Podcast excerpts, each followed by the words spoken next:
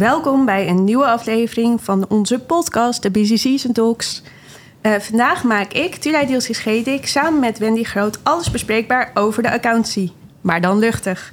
Uh, wij delen ervaringen, tips en leuke verhalen. En vandaag hebben we een zeer belangrijke gast, namelijk Avinash Nandram. Dankjewel dat je hier bent. Dank u wel. ja. Nou, Avinash die zal zichzelf uh, straks nader voorstellen, maar ik kan in ieder geval alvast verklappen dat hij registeraccountant is en fiscalist bij de Auditdienst Rijk. Hij maakt onderdeel uit van het managementteam al daar en hij is een groot Bollywood-liefhebber. Welkom. Dank. Dank ook voor de leuke aankondiging. En uh, misschien met het laatste beginnen. Groot Bollywood-liefhebber. Een gemiddelde Bollywood-film duurt 3,5 uur. Oh, dat is best lang inderdaad. en uh, dus niet altijd zeg maar, het werkpakket waarbij je dan ook die 3,5 uur die films kan kijken. Maar uh, ik, ik hou er heel erg van als ik eraan toe kom. Dus heel fijn. Mooi. We zaten net ook al eventjes voor te bespreken. Toen dachten we ook, ja, maar moet Avinas nog geïntroduceerd worden? We kennen hem allemaal inmiddels wel. Maar we zagen ook al in de voorbespreking dat er nog heel veel interessante zaken te bespreken zijn. Uh, waar we bij deze podcast ook wel bij stilgestaan. Ja. En, maar ik ben wel benieuwd naar die Bollywood-films. Wat vind je daar nou eigenlijk zo tof aan?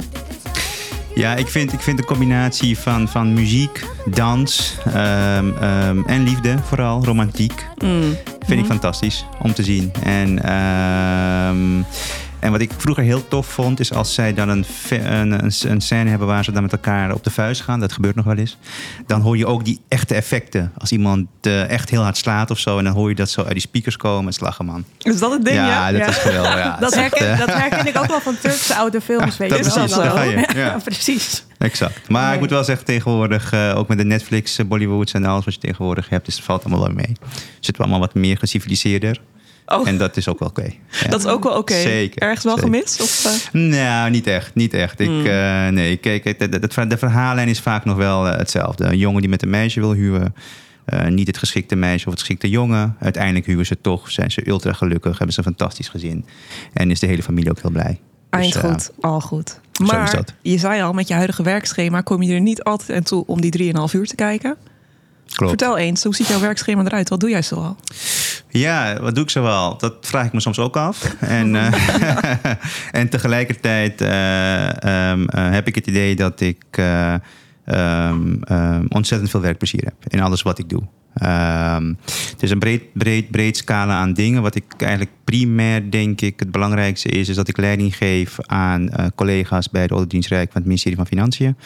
Wij hebben een management-directieteam van uh, 13 uh, collega's, daar ben ik één van. Um, en uiteindelijk bestaat onze groep van auditeurs uit 600 collega's, variërend van financial audit, IT audit, data science en tegelijkertijd ook operational audit. Uh, mijn uh, focuspunt zit met name op het uh, domein van de EU-audits. Dat is de primaire taak. secundair ben ik zeer betrokken ook op het, op het vlak van kennis en ontwikkeling van de ADR. Hoe gaan we onze mensen toekomstbestendig maken? Hoe gaan we ervoor zorgen dat wij een uh, arbeidspotentieel naar binnen halen die ook uh, in de toekomst uh, de, de, kwaliteit en ook de, de, de, de, de, de, de goede um, um, skills heeft en skillsets mee heeft om, om, om, de, Rijksaudit, om de Rijksoverheid te auditen. Um, en daar zijn we als, nou in ieder geval ben ik dan een groot deel van mijn tijd mee, mee bezig. met heel veel liefde en plezier moet ik zeggen.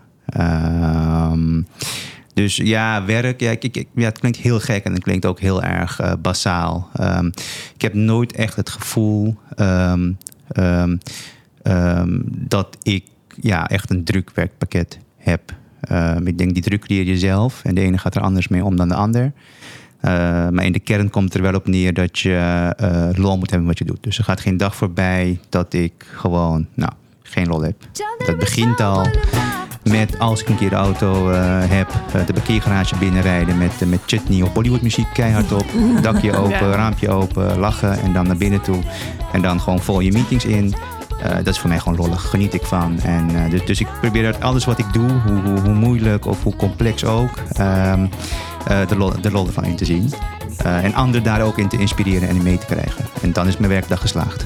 Ja, mooi hoe je dat zegt. En dat is denk ik ook zeer zichtbaar in, uh, voor mij persoonlijk.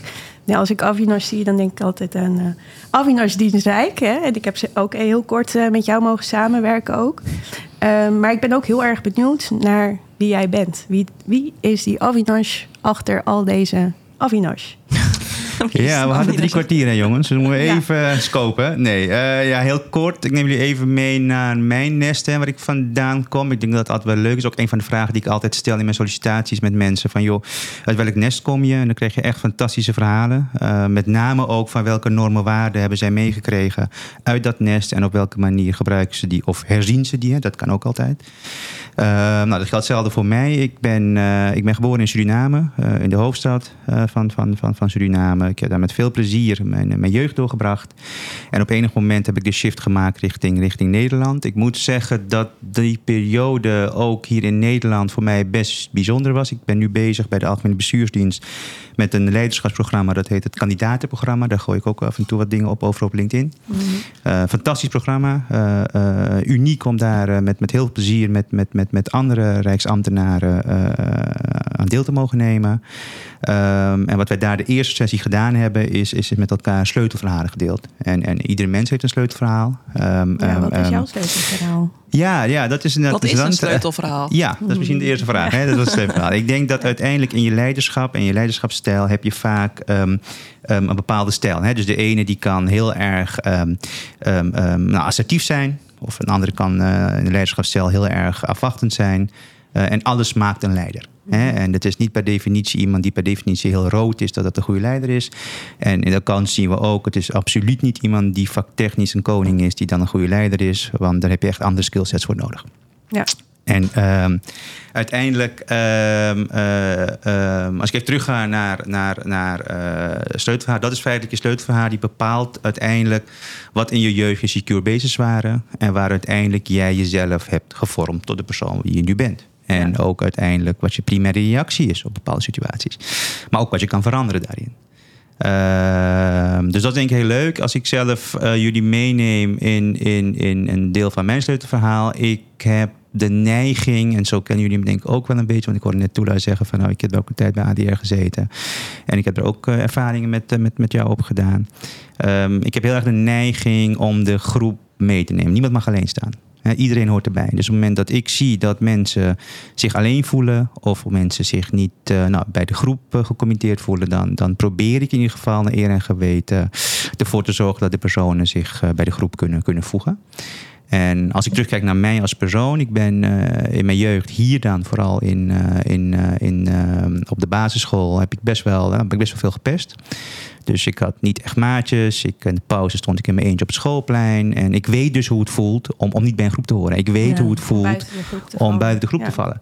Ja. En, en, en doordat ik weet hoe dat voelt, wil ik dat een ander het niet hoeft te voelen. Dus in mijn leiderschapsstijl probeer ik heel erg ervoor te zorgen dat ik, de, dat ik in ieder geval benaderbaar ben en blijf.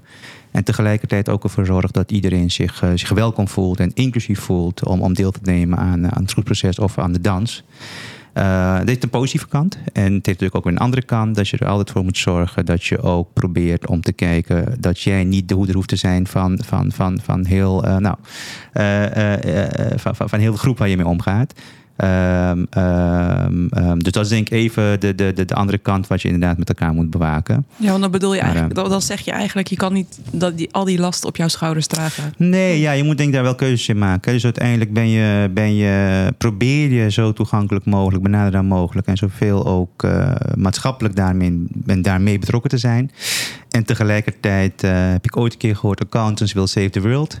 Eh, maar ik denk niet dat je, dat je daarin eh, de perceptie moet hebben dat, dat, dat, dat, dat, dat jij de, de world daarin kan saven. Hè. Je zult wel moeten kijken: wat doe ik voor de ander en hoe kan ik ervoor zorgen dat, dat de ander een, een, podium krijgt of de ander inderdaad ook een skillset meekrijgt die, die jij hebt kunnen ontwikkelen of die jij nog aan het ontwikkelen bent.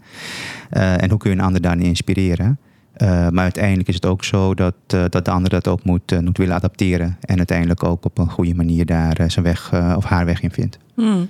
Mooi, dus eigenlijk zeg je dat sleutelverhaal is iets, zijn ervaringen die jij hebt meegemaakt, die jou vormen, een bepaald beeld op de wereld schetsen. En je zei net ook zo mooi over, ja, vanuit je eigen huis, vanuit je nest krijgt ook iedereen normen en waarden mee. En er komt ook een moment dat je daarop gaat reflecteren, gaat kijken wat past wel, wat past niet. Is er nou iets waarvan jij denkt, dit heb ik van huis uit meegekregen en dat waardeer ik zo erg, nu ik er ook over na ben gaan denken, dat is iets dat ik echt dichtbij me hou? Ja, ik denk meerdere dingen, maar het belangrijkste vind ik toch wel echt, en dat, dat is misschien dan ook wel weer eh, iets wat je wat vaker hoort en ziet, maar wij zijn heel sterk opgevoed met het idee, kijk naar de ander om. En, en, en, en, en, en, en tegelijkertijd ook wel hè, uh, walk the line. Walk the line vanuit de gedachte, en dat zie je bij mij ook. Hè. Ik was 22 en ik had twee universitaire opleidingen afgerond. Fiscaal recht en fiscale economie. Toen ben ik begonnen met werk en daarna heb ik ook nog eens het traject tot registeraccountant afgerond. Um, waarbij je je ook de vraag kunt stellen, was één opleiding niet voldoende? He, was dat voldoende geweest? Nee, ik denk het niet. Ik denk, mm. en dan wijken we uit, maar dan komen we zo even terug op dit punt wat jij, om de vraag even vast te houden die je net stelde. Ik denk niet dat het voldoende was geweest. Ik denk namelijk juist doordat ik die juridische kant heb kunnen meekrijgen, ik uh, heel sterk in die audit ook steeds uh, uh, terug kan naar mijn juridische basis. Uh, maar ook tegelijkertijd ook een andere cultuur kunnen proeven. Want ik weet nog heel goed, toen ik aan de rechtenfaculteit zit, daar was ik Avinash Nandram. En toen ik aan de economische faculteit ging, was ik een nummer 20111723 of zo, weet je. Super grappig. Um, uh, um, omdat dat, dat ook wel een beetje kenmerk, denk ik. Dat in de juridische praktijk, altijd als mijn gevoel, dat zijn mijn ervaringen. Um, um, um, ik, ik iets meer zag van die menselijke kant dan in die economische wereld. Mm. En dat is misschien door de jaren heen heel erg veranderd. Dat zien we in de mm. audit natuurlijk ook. Uh, maar ik vind het, vond het heel grappig toen om die, om, die, om die verschil te zien. En dan helemaal met studentnummer en naam. Dat vond ik echt heel uh, interessante verkenning. Terug naar jouw vraag. Uh, dat is denk ik een van de dingen. Hè? Dus, dus, dus kijk, kijk vooral naar de ander om. Maar tegelijkertijd walk the line. En, en, en, en, en, en um, probeer daarin ook het, het, goede te doen. En, en probeer je niet af te laten leiden door, door, door alle geneuktes wat het leven jou brengt. Um, um, en daar heb ik heel sterk aan vastgehouden. En uh, daar ben ik ook heel trots op. Uh, want het vraagt ook af en toe uitdagingen weerstaan. Uh, om uiteindelijk toch een ander, nou, een, bepaald doel te bereiken. Ehm, en dat zijn een van de dingen die ik in ieder geval heel erg koester. en nog steeds bij me draag. Ja. Prachtig. en uh, Avinash, uh, nou ja, onze luisteraars zien jou hier natuurlijk niet zitten, maar jouw volgers weten ongetwijfeld dat je er altijd spik en span uitziet. Ook nu weer, jasje, dasje. Uh, heeft dat ook nog wat te maken? Ja, het is nog casual Friday, toch? Dus ik heb Precies. een hele smalle das aan vandaag voor de nou, verandering. Maar... en rode schoenen, dus dan ja. is het toch net iets anders. Okay. Is dit de casual maar... das? Voor mij is het een casual das, ja, vandaag wel. Ja. Oh, maar wat, wat betekenen die kleding voor jou? Ja, weet je, um, wat, ja, ik, ik, ik, wat betekent kleding voor mij? Ik, uh, ik denk dat het een, een, een, manier is om jezelf uh, op een bepaalde manier uh, kenbaar te maken. Ja. Um, ik denk dat het ook iets is, en als we het toch even over Nest hebben. mijn grootvaders, als ik daar kwam vroeger en ik had toevallig een stipje op mijn overhemd dan. En die gasten waren al tachtig en die zagen dat. En die zeiden, joh, heb je dit niet goed gewassen of heb je dit niet gestreken? ja. Dus op de een of andere manier zit misschien nog ook ergens daar. Want als ik oude foto's van hun zie, denk ik van wauw, in de jaren 60, 70 hadden zij ook wel hele, hele, hele mooie outfits. Ja. Maar nee, ik, ik, ik, ik, ik vind het leuk. En in die zin denk ik ook wel weer van, um, um, ik vind als professional sowieso wij als accountants is het gewoon heel belangrijk dat je, dat je nou in, je werkzorgvuldigheid betracht, maar, maar, maar ook mogelijkerwijs in, in alle andere facetten des levens. Um, en en uh, nou ja, dat eigenlijk. Dus ik heb er niet echt uh, voor de rest een, uh, ander verhaal bij je, Toelai. Nee, maar Misschien jij daar nog kritische vragen over hebt. Ben nee, ik graag bereid te beantwoorden. Mijn complimenten. Ik vind het er altijd heel erg leuk uitzien. Ja, ik heb wel een vraag. Kunnen we kledingadvies bij je ophalen? Wij ook. Ja, Kunnen we je meenemen? Oké, uh, oké. Okay, okay. Ja, ja ik, ik, moet even afstemmen met mevrouw. Maar... Uh, dus nee, uh, ja. Fijn. Nee, mooi op uh, wat achtergrond ook te krijgen over jouw nest en wie jou maakt tot de persoon die jij bent. Um, en wat heeft jou hiertoe bewogen om dan vervolgens te kiezen om Rijksoverheid, de Rijksoverheid in te gaan? Ja, die zit bij mij heel diep. Uh, in die zin dat ik vrij jong um, um, het idee had van... joh, ik zou eerst ik e-, eens een keer bij die overheid willen binnenkijken. En naarmate ik ouder werd, kwam ik tot uh, de conclusie van... ja, oké, maar waarom dan? En, en, en bij mij heeft die heel erg verband met het feit dat ik denk, en nog steeds dat die gedachte, of in ieder geval dat gevoel heb, dat ik op geen enkele andere manier terug kan doen voor de maatschappij uh, waar wij in leven en wonen. En die heel veel mensen heel veel kansen biedt, heeft geboden, ook mij, uh, maar daarmee ook heel veel andere. en dat kan denk ik in mijn optiek op meerdere facetten, maar primair vanuit, vanuit de Rijksoverheid. En tegelijk had ik ook het idee dat als het niks is, dan kan ik nog redelijk snel wegrennen. Want als ik daar op mijn vijftigste naartoe ga en het beeld wat ik toen had van allemaal saaie ambtenaren die daar de hele dag met een broodbakje bij het raam staan te kijken tot het vijf uur is, dat is echt verre van niet waar gebleken. En met steeds met, nog steeds met heel veel liefde elke dag in, in, in de Haagse de mooie dingen doen voor Nederland. Ja. ja. Dus dan toch de accountant will save the world? Of... Maar dan op, op jouw manier? Ja, ik had uh, vorige week uh, had ik een module in, in, in, het kandidatenprogramma waar ik net even kort aan refereerde. Mhm. En daar kwam een, uh, een, een, een, hoogleraar kwam vertellen over de, de, de, de, de, de, de nieuwe geo, geopolitieke ontwikkelingen. En met name ook de rol die Nederland daar al dan niet in heeft. Harun Sheikh heet hij, zeer, was ik zeer door geïnspireerd moet ik zeggen door zijn voordracht.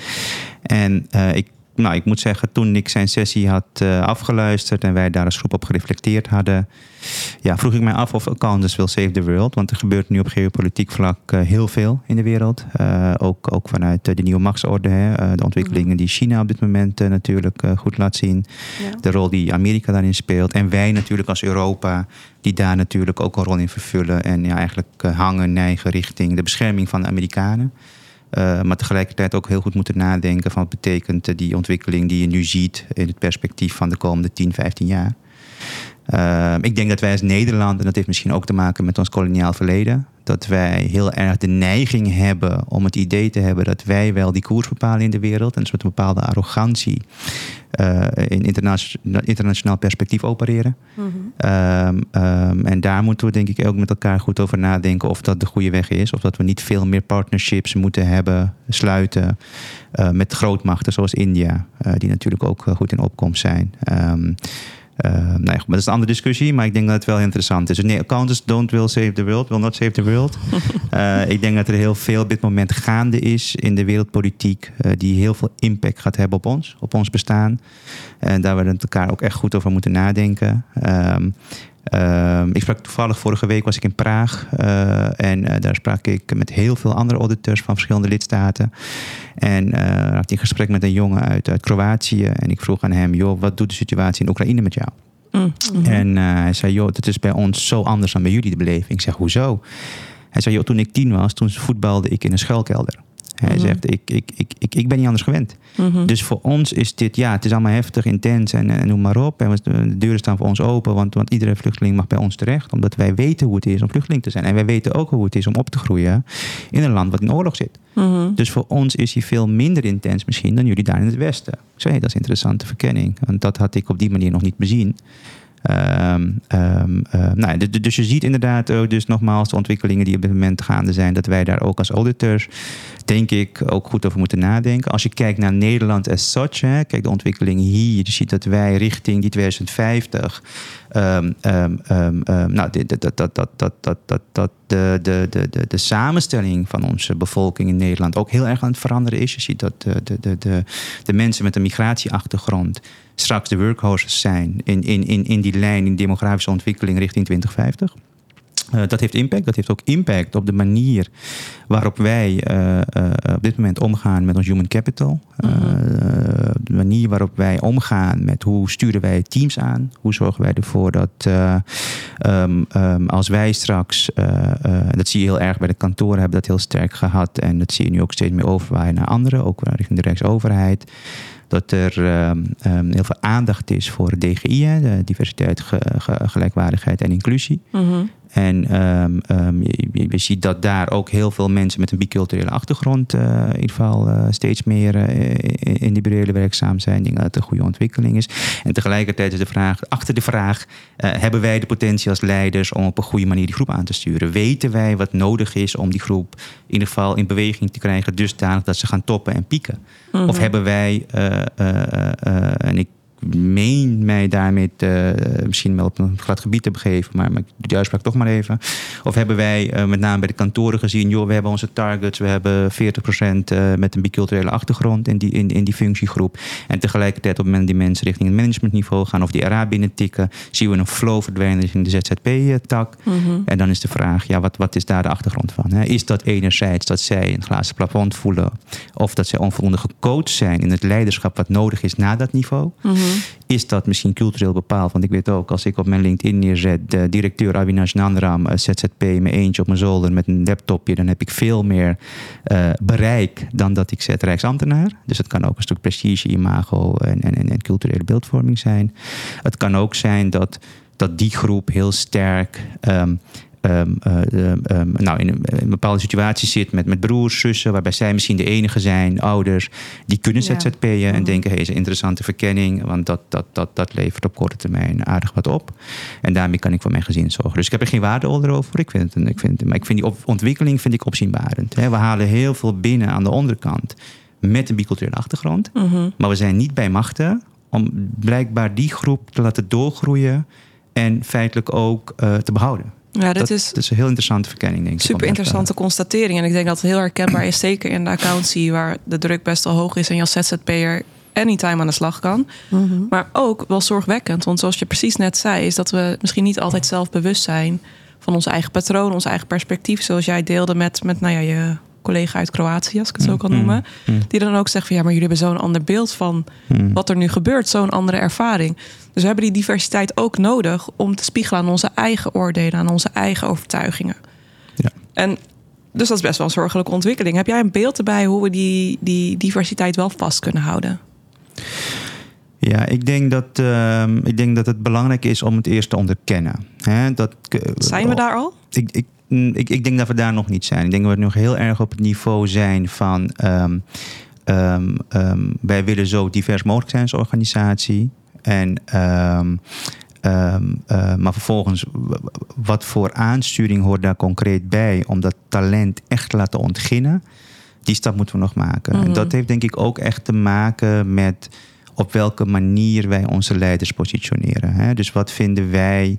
Wat, wat vinden wij dan echt een heel, heel leuk voorbeeld? Ik had laatst een gesprek met een aantal uh, collega's die, uh, uh, um, um, die dit onderwerp heel belangrijk vonden. Mm -hmm. niet zozeer ADR-collega's, maar rijksbrede collega's. Die allemaal directeurenfuncties vervullen binnen onze organisaties. En die zeiden van, joh, ik vind dat nog best ingewikkeld. En toen zei ik, joh, even een vraag. Wie zijn jullie ondersteuners? Ja, dat zijn mensen met een biculturele achtergrond. Ik zeg, ah, interessant. Ik zeg, heb je wel eens een keer met die collega's geluncht buiten de deur? Ben je eens een keer met die collega's meegeweest om eens te kijken van, joh, um, uit welke, um, nou, uh, welke, welke, welke, wat is jouw historie? Hè? Waar, kom jij vandaan?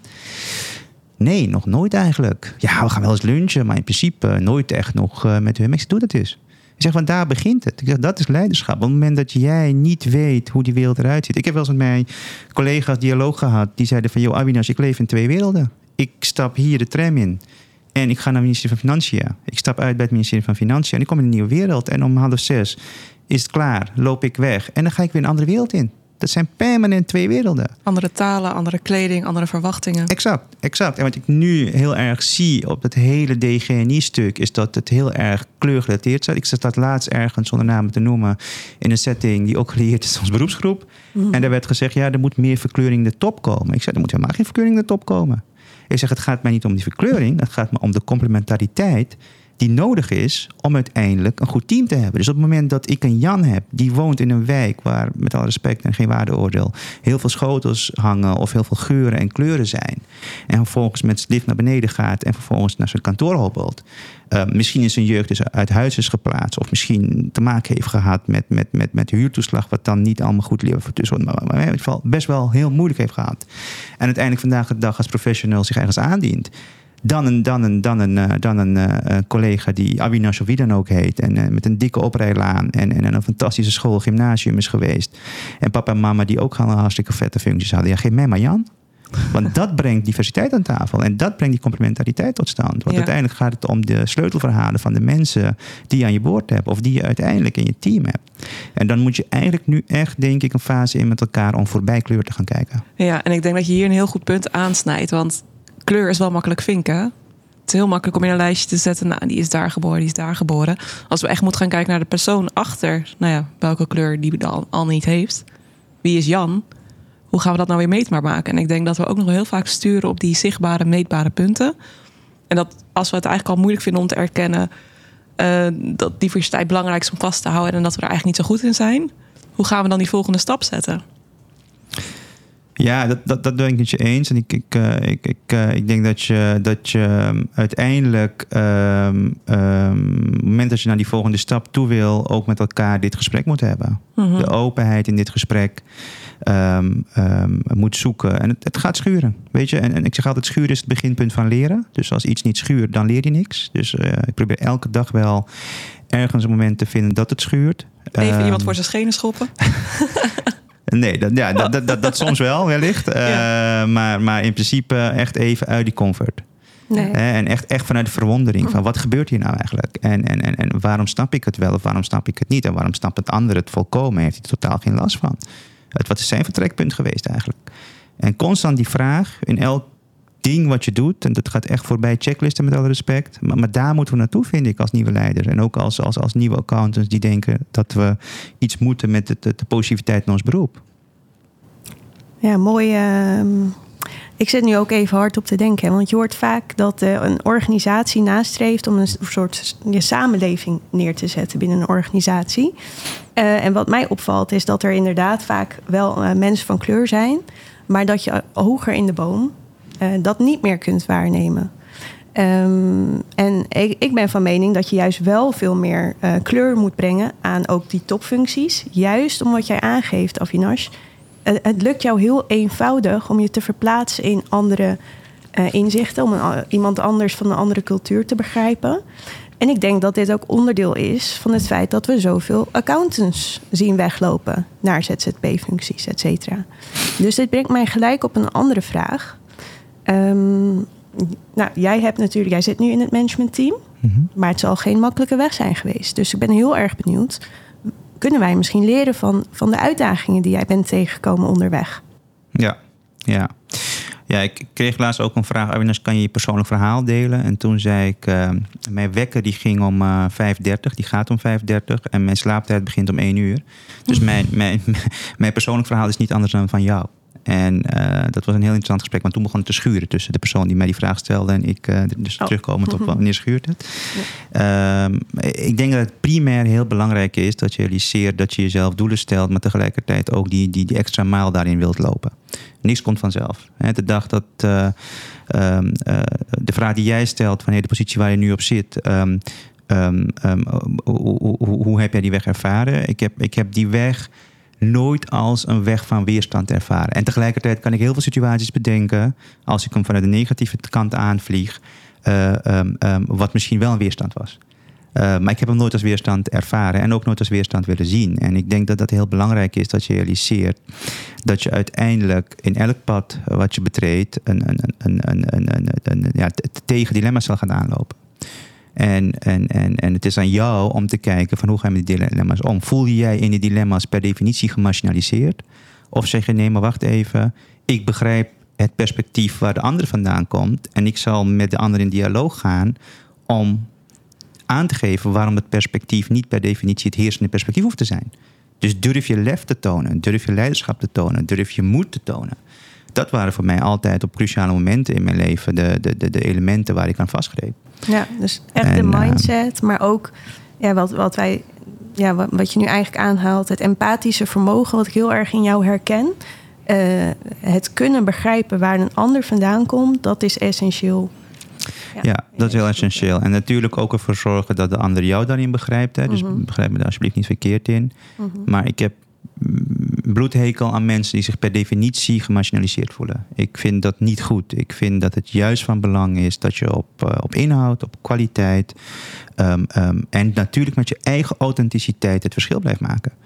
En op het moment dat je inderdaad uh, uh, de kant kiest van joh, het is allemaal zo moeilijk en, en, en, en wij als, als mensen met een biculturele achtergrond, die krijgen daar geen, geen kansen toe of, of, of om impact te maken. Um, um, um, dan denk ik dat het op punten waar is. Want we hebben natuurlijk niet voor niks uh, de ontwikkelingen zoals we die nu zien de afgelopen tijd. Ik denk dat het inderdaad belangrijk is dat we daar met elkaar zorgvuldig en de juiste aandacht voor hebben. En de open gesprekken met elkaar voeren binnen de organisaties. maar het betekent ook wel de vraag permanent stellen: wat kan ik daarin doen? Wat is mijn leadership en wat is mijn ownership in dit verhaal om uiteindelijk een verschil te maken? Ja, ik zie hier heel mooi in terug dat dat waar we eigenlijk mee begonnen met Walk the Line. Dat zit hier ook wel in, hoor ik terug, toch? Dus je eigen verantwoordelijkheid nemen, eigenaarschap nemen. En ja. dan kan het nog steeds, hoe zeg ik dit netjes, kan nog steeds af en toe moeilijk zijn. Zeker, ja. tuurlijk. Ja. Bouw je ook karakter mee op, walk the line, doe wat je kan. Ja. Maar tegelijkertijd, jouw andere punt was ook, kijk naar de ander om. Mm -hmm. En dat lijkt me dan ook weer heel sterk terug te horen in hoe jij je leiderschap invult. Zeker. Dus in die zin heb je eigenlijk twee kanten van de medaille. Dus hoe kan je zorgen dat je er zelf komt? Mm -hmm. En hoe kan je tegelijkertijd de ander helpen in dat proces? Ja. Ja, zeker, zeker. En dat is denk ik echt heel belangrijk. En dat moet ook een uh, natuurlijk proces zijn. Het moet geen moedje zijn. Het moet niet iets zijn van, nou, ik kom jou wel vertellen hoe het zit. Mm -hmm. Iedereen heeft zijn vertrekpunt. Iedereen heeft het nodige meegemaakt om te komen waar hij vandaag is. Uh, en als je dat uh, in ieder geval dicht bij je houdt, ja, dan kan je volgens mij anderen op een hele positieve manier inspireren. Mooi. Zeker mooi. En um, nou ja, Avinash, je, je zegt net al, uh, je mindset is zeer belangrijk. Het positieve inzien en uh, door. Um, maar je hebt ongetwijfeld ook wel eens tegenslagen uh, meegemaakt. Hoe ga je daarmee om? Hoe zet je je om? Hoe zet je die schakel om? Heb je daar misschien een bepaalde tip of truc, trucje voor voor onze luisteraars? Ja, ik denk dat iedereen wel met tegenslag uh, te maken heeft in het leven. Als het dan niet uh, zakelijk is, dan is het uh, wel privé. Zeker, ja. ik denk dat de kunst uiteindelijk is, dat is ook weer heel cliché wellicht, maar probeer ook dingen altijd in wijde perspectief te zien.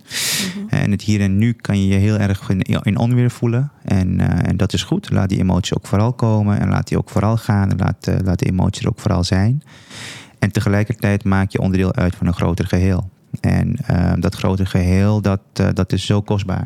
Ik ben natuurlijk hindoe hè, van mijn, vanuit, vanuit mijn geloof. ja. En uh, wij geloven heel erg in het lot. En wij geloven heel erg in verbondenheid. Tussen, tussen, tussen, tussen, tussen in het universum. Mm -hmm. En um, um, ik denk dat het heel belangrijk is dat je realiseert dat, dat nou, die momenten tijdelijk van aard zijn. Maar dat in je levenspad uiteindelijk er altijd wel een lichtpunt komt. En dat is echt cliché, nogmaals, ik heb het al gezegd. Uh, maar dat, dat vind ik voor mij in ieder geval een van de dingen die, die ik daar belangrijk vind. En maak dingen ook daarmee niet onbespreekbaar. Hè? Dus leg je vooral niet neer. Hè? Als dingen je overkomen of je denkt van hé, hey, maar dit raakt mijn rechtsgevoel. Ga daar het gesprek over aan. En ga hem echt alsjeblieft constructief aan. Niet van joh, ik, uh, dit, dit, dit, dit, dit, dit is wat ik zie en dit is wat ik uh, daarvan vind. Mm -hmm. en, uh, en, en daarmee sloes, zeg maar. maar wel vanuit de constructieve gedachte. En dan, dan zal je niemand, en ik heb, ik heb wel heel veel mensen gelukkig mogen spreken in mijn leven, maar je zult niemand tegenkomen die dan zegt dat gesprek wil ik niet met jou voeren. Nee, nee ja. mooi.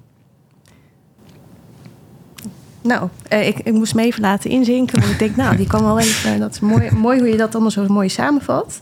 Um, ja, dat, ik vind dat heel erg mooi, hè? het geloof rondom Hindoe. Ik vind alle verschillende geloven heel erg mooi. Uh, en, en die verbondenheid uh, met het universum. En dat je onderdeel bent van het groter geheel. Daar hebben we ook uh, nog wat andere gesprekken over gehad eerder. Um, ja, het werkt ook wel louterend, denk ik. Precies. En relativerend. relativerend. Mooi. En als je dan vervolgens weer die kracht naar jezelf kan trekken, ja, dan kan je heel veel aan.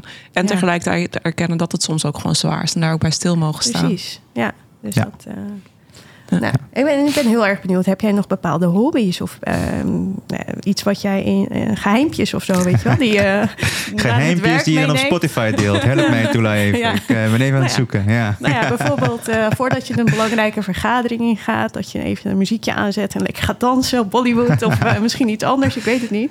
Ja, Maar- ik denk dat je het gewoon heel dicht bij jezelf moet houden. Ja. Dus, dus eh, ik, eh, ik denk dat het belangrijk is dat je gelooft in wat je doet. Mooi voorbeeld Ja. van vorige week. eh, dat is misschien vrij recent. Eh, ik vertelde net dat ik in Praag was. En daar waren met 160 collega's van 27 lidstaten. Mhm. En de Europese Commissie was daar ook bij, de Europese Rekenkamer. Ik mocht een voordracht houden. ehm, ehm, naar aanleiding van de, de, de, de, de workshops en meetings die er geweest waren. Eh, dus mij werd gevraagd om feitelijk daar een reflectie op te geven. En daar hadden ze een soort standaard format voor bedacht. En tegelijkertijd dacht ik.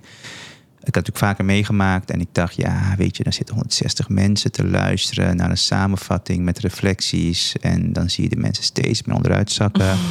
Oh, dat is echt zo'n rot moment. dit, eh, en af en toe mag je wel je vlaggetje omdraaien als je een vraag wil stellen en zo. En dan, dat deed ik dan wel eens om dan toch even wat vibe te creëren en energie in die groep. Ja, voor die En nu dacht ik, weet je, ik ga het anders doen. Ik maak gewoon een Mentimeter. Oh. En ik ga eens kijken of ik, eh, of ik die groep meekrijg op mijn Mentimeter. En ehm, ehm, dat heb ik gedaan. En eh, dat was zeer succesvol. Uh, dusdanig dat toen ik hem afhaal op enig moment de presentatie, vorig, et cetera. Dat het, eh, het hoofd van de Europese Commissie zei: eh, First Prize for Innovation voor de Netherlands. Ik zei: Dat is mooi. Mooi. Hebben we weer gescoord als lidstaat. Uh, maar dat is belangrijk. Hè? Nogmaals, en dan kom ik weer terug bij het eerste punt. Ik, ik zoek altijd lol in alles wat ik doe. Want ik zou mezelf niet kunnen conformeren als ik daar een hele statige juridische presentatie zou geven over de verordening zoals die thans ligt. Um, en dat is ook lef. Want ja, je moet wel durven een mentimeter daar op het scherm te toveren. Met alle respect. Heel veel oude witte mannen van 50 plus die daar al heel veel jaar komen. En daar heel bekend zijn in het echelon. En vervolgens wel hun meekrijgen om een mobieltje te pakken en mee te gaan stemmen. Ja, ik ben nu wel heel benieuwd Dus, wat uh, je hebt gedaan. Wat moesten ze doen met die Mentimeter? Uh, Hoe heb je er gezorgd? Ik had, uh, ik had de samenvatting van de key elements Mhm. van, de, van, de, van de workshops had ik uh, vereenzelvigd in de Mentimeter. En dan had ik hun laten stemmen, waardoor ik vervolgens dan zei... nou, dit is de les die erachter zit van de key, uh, Oh, key ja. takeaway. Ja. En, en dit is hoe jullie stemgedrag is. Dus ik zie daar... Dus ik probeer in die zin de interactie op te zoeken. Oh, goed, ja. Maar dat is Met natuurlijk- 160 man, Avinas. ja, echt goed. ja, het was echt. En, in het Engels. Dus uh, Oh, het was wel leuk. Ik had, ik had de link, want je kon hem ook live streamen, had ik naar mijn, uh, naar mijn, zeg maar naar mijn thuisfront gestuurd. Ja. En mijn zoontje die keek op de iPad mee. Op een gegeven moment kreeg ik een foto. En heel veel foto's van andere collega's. En complimenten en op hartstikke lief. Maar dat hij zo met twee duimen omhoog naar papa zat te kijken. Denk, ja, Oh, daar doe je het voor, weet je. Dat is Ja, fantastisch. Dat is fantastisch. eh, Maar goed, terugkomend naar dat, dat, dat punt hè, van dus werkplezier en lef. Ik zie Mhm. dat, dat, dat zit er permanent bij mij, denk ik, in mijn, in, mijn, in mijn carrière tot nog toe wel in. mhm. En dat gun ik ieder. Want ik denk Ja. dat dat echt de, de gouden combinatie is om uiteindelijk ook verandering te creëren. Zeker. Ehm, en ook eh, uiteindelijk eh, iets echt bij te dragen aan de maatschappij. Ja. Ja, ik heb je ook een, we hebben je een aantal keren horen zeggen authentiek, dus blijf bij jezelf. Maar wat ik merk in mijn, in mijn eigen omgeving, ik hoor het bij mensen om me heen, ik zie het bij mezelf ook wel eens. We werken natuurlijk allemaal in een eigen context, een eigen systeem. Dat bepaalde verwachtingen van je heeft, dat bepaalde patronen al heeft. Wat niet altijd past bij misschien hoe jij het zou doen. En nou ja, dat zijn soms praktische zaken, zoals inderdaad een mentimeter. Maar soms gaat het ook best wel eh, dichter op wie jij bent als persoon. Dat ze bijvoorbeeld wil dat je assertiever bent of juist minder assertief. Eh, waardoor het best wel lastig is, voor mij in ieder geval soms, om een balans te vinden. Wanneer ben je nog authentiek? En wanneer ben je eigenlijk iets te pragmatisch aan het worden en iets te opportunistisch misschien? Ik weet niet, is dat, is dat een spanningsveld dat je herkent? Ja, dat is een mooie vraag, eh, Wendy. Dank daarvoor. Ehm, ik, ik, ik, ik zie het voor mij persoonlijk niet zozeer als een spanningsveld. Ik herken heel erg de vraag die je stelt. Ik denk dat je namelijk het dan echt ook hebt over de vraag um, in welke uh, context uh, werk je met elkaar en hoe inclusief is die context. Maar op het moment dat jij je ongemakkelijk voelt en dusdanig ongemakkelijk dat het eigenlijk een kunstje wordt mm -hmm. en niet meer het authentieke heeft van wie jij bent als persoon, om je uiteindelijk in de groep in te weven, dan is denk ik de vraag die erboven hangt in abstractie, hoe inclusief is ons team? Mm. Ja. En welk gesprek moeten we met elkaar voeren Ja. om die inclusiviteit wel op tafel te hebben. En laat het dan maar lekker schuren, dat is prima. En, en, en dat is denk ik leiderschap. Dus, dus, dus, dus dat is denk ik het moment wat ik altijd wel zoek en opzoek. Um, en nogmaals in constructiviteit en in cohesie met elkaar. Dat is Ja. echt belangrijk. Maar Ja. je, de, die je er daar louter aan committeren terwijl het echt je normen raakt, of je waarden raakt in dit geval, excuus. Um, ik denk dat je dan niet de goede dingen doet. Hm. Want vroeg of laat heeft de omgeving door dat het niet authentiek is. En dat zou ik zelf uh, heel erg jammer vinden. Ja, ja maar dit, dit vraagt wel weer moed inderdaad. Want dan moet je wel bij jezelf durven staan. Ja. Jezelf niet kleiner maken dan nodig. Maar dit is wel een interessante dat je het zo schetst. Ik had toevallig laatst een artikel gelezen dat ging over, over het advies van hè, be your authentic self. Hmm. En eigenlijk daaruit concludeerden ze. bullshit. Zeg maar, Je moet helemaal niet je authentic zelf zijn. Je moet je aanpassen in het systeem. En als je ergens aan de top bent, dan kan je doen wat je wil. Hm. Maar ik hoor jou, jou een ander verhaal schetsen. Ja. Dus inderdaad, zoek dan die spanning misschien een beetje op. Ja. Hè, een beetje waar het schuurt. En doe daar maar een beetje tegenaan. Ja, ik denk dat het heel belangrijk is. Helemaal als ambtenaar. Hè. We leven natuurlijk ook in een wereld waar het vertrouwen in de politiek op dit moment vrij laag is. Mhm. Vertrouwen in de ambtenaar is vrij laag. Ehm, en daar hebben wij een rol in te nemen als Rijksambtenaar. En, en, en dat betekent dus ook echt eh, tegengeluid geven. Dat betekent ook echt die kritische vraag op tafel leggen. Die misschien 80% van de maatschappij bezighoudt. Maar de 20% van het kader wat je daar hebt niet eens kent. Mhm. Dus die vraag stellen. En daarmee dus ook echt gehoor geven aan die wens van de maatschappij. En daarmee het vertrouwen herstellen is denk ik heel belangrijk. Eh, interessant artikel, denk ik. Ik denk dat ik het valikant oneens ben met het artikel. Het zal wel aan jouw kant wetenschappelijk onderzocht zijn. Dus eh, heel veel respect daarvoor. Maar ik denk wel echt oprecht, op het moment dat dat de kunst is... dan hebben we in Nederland nog een hele lange weg te gaan naar die top. Want op het moment Ja. dat je in die top zit... dan zal je je ook committeren aan... eh, aan ik heb ooit een keer, en dan, dat is heel lang geleden had ik iemand die vrij hoog in de boom zit. Die was toevallig, eh, had hij een biculturele achtergrond. En toen gingen we broodje halen bij de Warung. En toen eh, maakte ik de grap van... joh, lekkere pom, lekker kousenband, eh pietje, al je weet zelf. Hij zegt, nee, nee, dat eet ik allemaal niet. Ehm, ehm, eh, doe- voor mij maar gewoon... gewoon ik, ik, ik, ik ga wel gewoon hier een broodje kaas doen. Tegelijkertijd weet ik dat die beste man een thuisfront heeft... waar elke dag rotje op tafel staat. En dan denk ik, in die context daar... Uit hij dat niet? Zit hij daar op die boom? In die boom? Ik zou dan, ik zou dan gewoon kiezen voor de, voor, voor, voor de wortel. Ik zou niet in die boom willen zitten aan de top. Nee. Ik zou me doodongelukkig voelen. Ja. Weet je, dus het is ook, het is ook denk ik, en dat, dat geef ik echt wel mee aan de mensen die ik spreek. Kijk, uit, eh, de- vooral de jeugd. Kijk, uiteindelijk, iedereen moet op het eind van de dag zijn hypotheek betalen. En iedereen moet op het eind van de dag ook, eh, ook, eh, ook, ook zijn leven kunnen leiden. En tegelijkertijd moet je ook wel proberen, vooral als accountant, op het moment waar het spannend wordt, je werk te doen alsof vandaag de laatste dag is. Mm. En als, het niet, als, als, als, als de firma daar niet gelukkig mee is, fuck it. Zie ik morgen wel weer. Ja, het klinkt heel arrogant en heel hard. Maar dat is denk ik echt belangrijk om uiteindelijk de kwaliteit terug te krijgen in ons beroepsgroep. Mensen moeten zich beseffen dat het echt ergens om gaat, die handtekening. Ja. ja. En je sprak al even over de jeugd. Mhm. Je zei net ook al, je zoontje. Ja, ja. Hoe heet hij? Ja. Ayush, Ayush, hoe oud is hij? hij is zes. Hij is zes. Ja, Dat zeker. wordt alweer wat dan, hè? Beetje ja, praatjes. Ja, het is fantastisch. Het is fantastisch. Genieten. Ik eh, moet echt zeggen dat eh, de spiegel die je voorgehouden krijgt en eh, de lol die je daarin ook wel weer hebt, samen met het gezin. Ja, het is- ik, ik, ik, moet, ja ik, ik, ik vind het echt, ik, ik gun het echt aan ieder ehm, om, om in ieder geval ook die fase op die manier te ervaren. Zeker. Ja. Ja, ja, ja. Je zegt spiegel. Wat zegt die spiegel dan? ja, die spiegel zegt soms dat, eh, dat papa iets te snel wil. Dus, eh, Oh, die hadden we nog niet gehoord vandaag. nee, nee, oké. nou ja, goed, weet je. Dus Oh, temper- dus toch wel. temporiseren is soms ook, Nee. eh, ook heel goed. En dat is heel fijn om dat, dat op die manier te ervaren. Ja. En verder denk ik ook wel dat, dat zullen jullie natuurlijk niet anders ervaren. Ik weet dat jullie allebei ook kinderen hebben. Ehm, dat het uiteindelijk je ook, eh, ook heel veel bijdraagt in je leiderschap. Hè? Dus, dus, dus hoe plan ik dingen? Hoe organiseer ik dingen? Hoe zorg ik ervoor dat ik de permanente aandacht heb die nodig is? Ehm, ehm, en en, en, en, en, en, en eh, dat in het, in, het, in, het, in het geheel, nogmaals, van het universum die van alles van je vraagt. Weet je? Dus eh, ja, mooi. Terug naar de basis. Zeker, ja. Zeker. En ja, je, je gaf ook aan van die druk voel je eigenlijk niet doordat je zoveel plezier maakt. Hè? Doordat je jezelf bent. En doordat je dat eh, heel goed kan combineren, ook met je privéleven. Ga jij gewoon de nieuwe directeur worden van de auditdienst of van iets anders binnen de Rijksoverheid? Dat, daar ben ik het van Ja, overtuigd. Eh, en ik hoop dat dat artikel waar Wendy het net over had eh, niet zo is. Want ook ik herken me daar niet in. En ik zou op die manier geen, niet onderdeel willen uitmaken van het nieuwe leiderschap. Maar juist door gewoon jezelf te zijn en verschillende perspectieven te kunnen belichten, eh, ja, impact kunnen maken. Dus eh, Hm. ik eh, vond het een heel, heel mooi gesprek. Helemaal mee eens. Het is, eh, de tijd is ook voorbij gevlogen. Ik weet niet op hoeveel we zitten inmiddels. Ja, we zitten al op de 43 minuten. We zitten al op de 43 minuten. Dan moeten we ook richting afsluiting. Ja. Kunnen we misschien je zoontje als afsluiting gebruiken? In die zin, wat zou jij je zoontje meegeven? Wat zou jij, wanneer zou jij blij voor hem zijn? Met welke les als hij die internaliseert? Ik gaf het hem net nog mee toen ik hier naartoe eh, kwam. Ik zei tegen hem van, joh, eh, ehm, eh, luister goed naar jezelf. Je weet zelf van binnen wat goed is. En doe dat vandaag op school. En doe dat vandaag op school. Ja, dat. Ja. Oh. Oh god, die man die zat met krijtjes op muur. Mag, ja. Papa zei het, dus het mag.